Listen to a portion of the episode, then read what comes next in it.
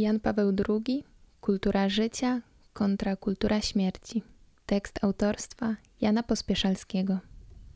Znajdujemy się dziś w samym centrum dramatycznej walki między kulturą śmierci a kulturą życia. Kiedy po raz pierwszy usłyszałem te słowa Jana Pawła II, pomyślałem, że mam do czynienia z metaforą poety, dramatopisarza, człowieka o wielkiej intuicji literackiej. Potem papież wielokrotnie używał też określenia cywilizacja śmierci.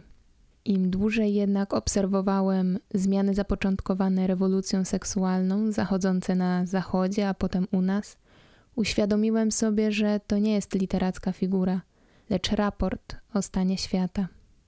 Papież, używając terminu cywilizacja śmierci, celnie diagnozuje złożony system ogarniający naukę, kulturę, politykę, prawo, instytucje, biznes, edukację, całe życie społeczne droga.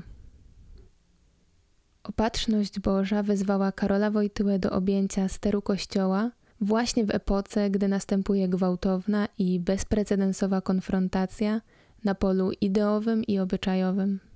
W latach 70. w Stanach Zjednoczonych zalegalizowano aborcję.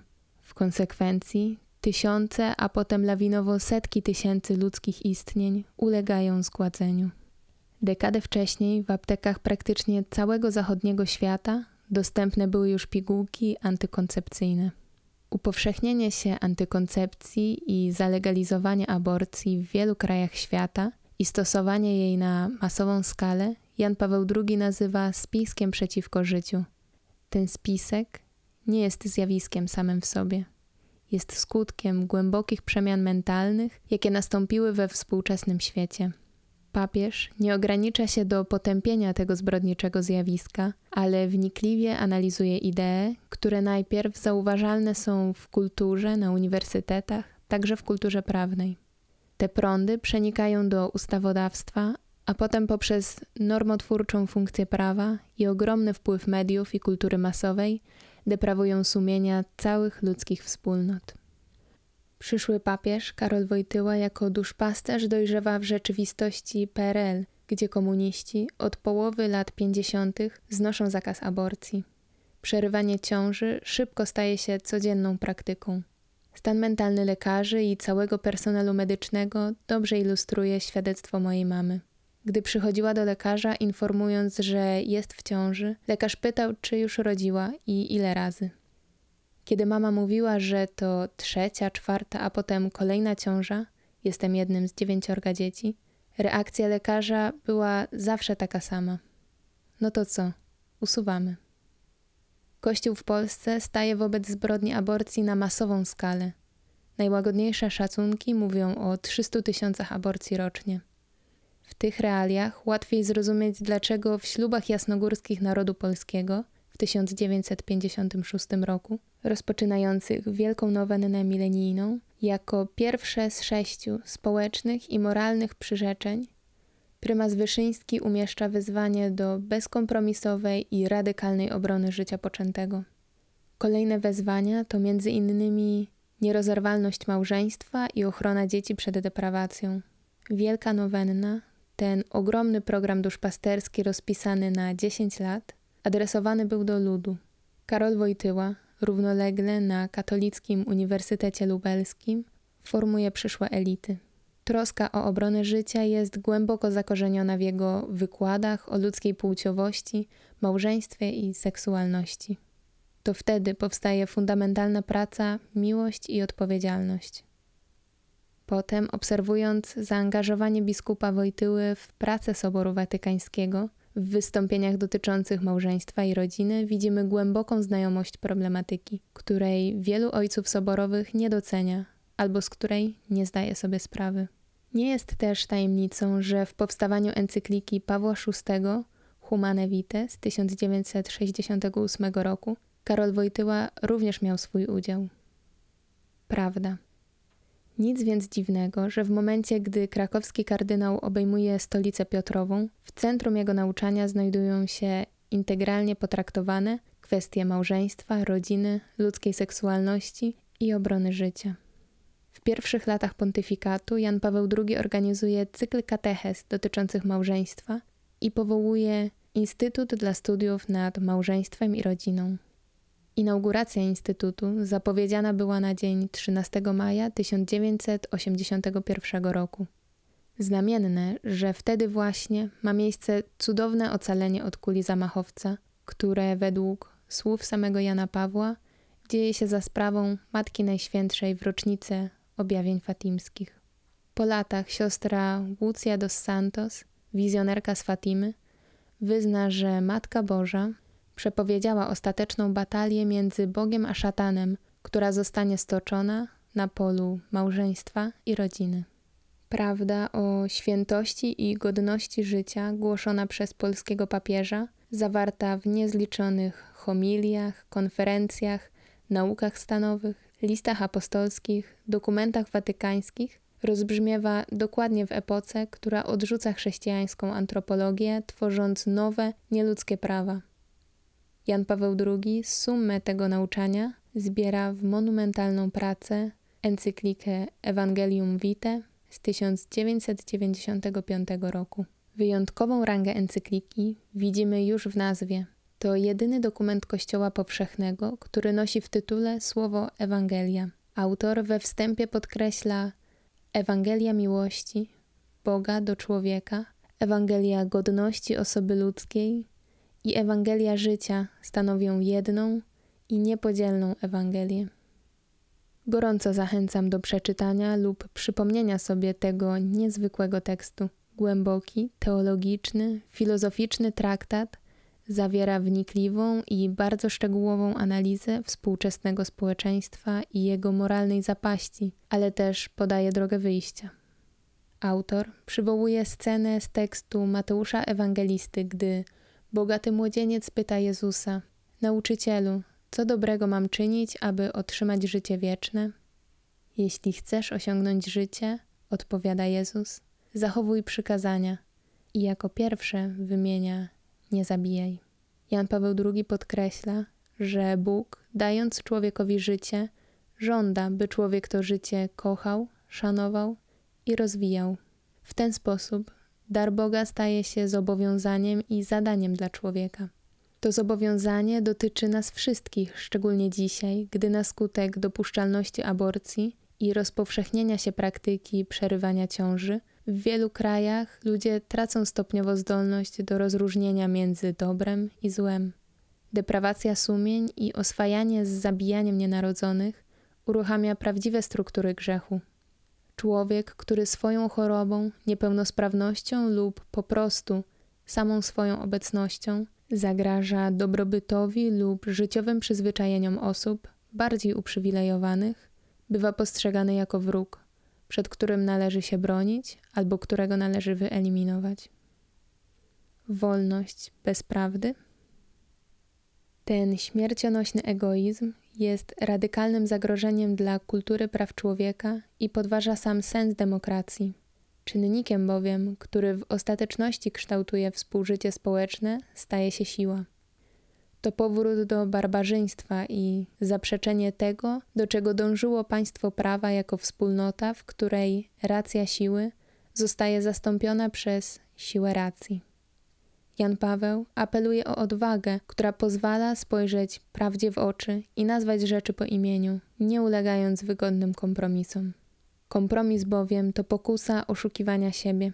Jakże wymownie brzmi to dziś, szczególnie w kontekście wypowiedzi także przedstawicieli Kościoła, którzy kurczowo obstają przy obecnej ustawie, czyli tzw. Tak kompromisie aborcyjnym. Papież wzywa do bezkompromisowej obrony życia, do której zobowiązani są wszyscy chrześcijanie i ludzie dobrej woli.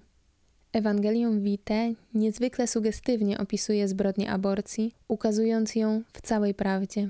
Tym, kto zostaje zabity, jest istota najbardziej niewinna, jaką można w ogóle sobie wyobrazić, i nie sposób uznać jej za napastnika. Jest słaba, bezbronna do tego stopnia, że pozbawiona jest nawet tej znikomej obrony, jaką stanowi dla nowonarodzonego dziecka jego błagalne kwilenie i płacz. Odpowiedzialność. Papież podkreśla również odpowiedzialność ojca jako współsprawcy, a często może głównego odpowiedzialnego. Ale nie tylko. moralną odpowiedzialność ponoszą rodzina, przyjaciele, którzy często wywołują presję i zmuszają do przerwania ciąży. Z tej odpowiedzialności nie są zwolnieni lekarze i pracownicy służby zdrowia. Odpowiedzialni również są ci, którzy popierają i zatwierdzają prawa dopuszczające przerywanie ciąży, jak również ci, którzy zarządzają instytucjami służby zdrowia, w których dokonuje się ten proceder. Krąg odpowiedzialnych za zbrodnie aborcji, pisze papież, obejmuje również tych, którzy przyczyniali się do upowszechnienia permisywizmu seksualnego i postawy lekceważenia macierzyństwa. Dziś, w dobie dyskusji o wszelkich kartach LGBT, edukacji seksualnej opartej na tzw. Tak standardach WHO, to wskazanie jednoznacznie określa odpowiedzialność decydentów władz oświatowych, nauczycieli, a także rodziców, którzy lekceważą skutki deprawacji realizowanej pod płaszczykiem polityki równości czy profilaktyki. Jan Paweł II znakomicie rozpoznaje też rolę ponadnarodowych instytucji, międzynarodowych fundacji, stowarzyszeń, które prowadzą programową walkę o legalizację i rozpowszechnianie aborcji na świecie. Proceder przerywania ciąży wykracza więc poza sfery odpowiedzialności poszczególnych osób, a zło przyjmuje wymiar społeczny. Widząc i przewidując stały rozwój nauki, Jan Paweł II powołał zespół wybitnych ekspertów, aby zgłębiali problematykę życia w jego najwcześniejszej fazie, nie po to, aby relatywizować moment poczęcia, ale po to, by naukowymi argumentami zaświadczać i przypieczętować niezmienne nauczanie Kościoła. Owoc prokreacji od pierwszego momentu swego istnienia ma prawo do bezwarunkowego szacunku, jaki normalnie należy się ludzkiej istocie. Przedmiotem troski papieża były badania na embrionach i biomedyczne eksperymenty. W karcie praw rodziny z października 1983 roku papież kategorycznie ostrzega, że wykorzystywanie embrionów i płodów ludzkich jako przedmiotu eksperymentów jest przestępstwem przeciwko godności istot ludzkich, które mają prawo do takiego samego szacunku jak każdy człowiek. Rozwój techniki i nauk medycznych przynosi pokusę wykorzystywania embrionów i tkanek płodów ludzkich do wyprodukowania materiału biologicznego stosowanego w transplantacji. To proceder absolutnie niedopuszczalny. Jest to zabójstwo niewinnych istot ludzkich. Papież zwraca uwagę na prenatalne techniki diagnostyczne, które wprawdzie pozwalają na wczesne wykrycie ewentualnych zaburzeń w rozwoju nienarodzonego dziecka, jednak w istocie często nie służą terapii, lecz dokonaniu aborcji. Przyznanie sobie prawa do mierzenia wartości ludzkiego życia według kryteriów zdrowia fizycznego, pisze papież, to postawa haniebna. To otwarcie drogi do dzieciobójstwa i eutanazji. Rachunek sumienia. To, co Jan Paweł II w Ewangelium Vitae potrafił napisać językiem kategorycznym, wykrzyczał w formie gwałtownego oskarżenia podczas pielgrzymki w 1991 roku w Kielcach. Nie można stwarzać fikcji wolności, która rzekomo człowieka wyzwala, a właściwie go zniewala i znieprawia. Z tego trzeba zrobić rachunek sumienia u progu trzeciej Rzeczypospolitej. To jest moja matka, ta ojczyzna. To są moi bracia i siostry. I zrozumcie, wy, wszyscy, którzy lekkomyślnie podchodzicie do tych spraw, zrozumcie, że te sprawy nie mogą mnie nie obchodzić, nie mogą mnie nie boleć. Na koniec wracam do cytatu, od którego zacząłem. Znajdujemy się w samym centrum zmagań między kulturą śmierci a kulturą życia. Znajdujemy się Czyli nie ktoś, nie jacyś oni, tylko ty i ja. Ponosimy wszyscy odpowiedzialność. To od nas zależy, czy okażemy się godni być świadkami Jezusa Chrystusa i uczniami wielkiego naszego rodaka. I kolejny wniosek. W kwestii życia nie ma pola kompromisu. Ochrona życia, postawa ochrony daru Bożego jest zobowiązaniem. Ewangelia życia nie zostawia miejsca na tak zwane chrześcijaństwo bezobjawowe. 15 lat po odejściu Jana Pawła potrzebujemy ustawicznego przypominania jego nauczania.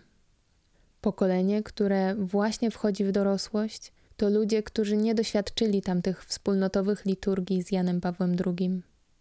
Dziś pewnie myślą o założeniu rodziny lub eksperymentują w luźnych związkach.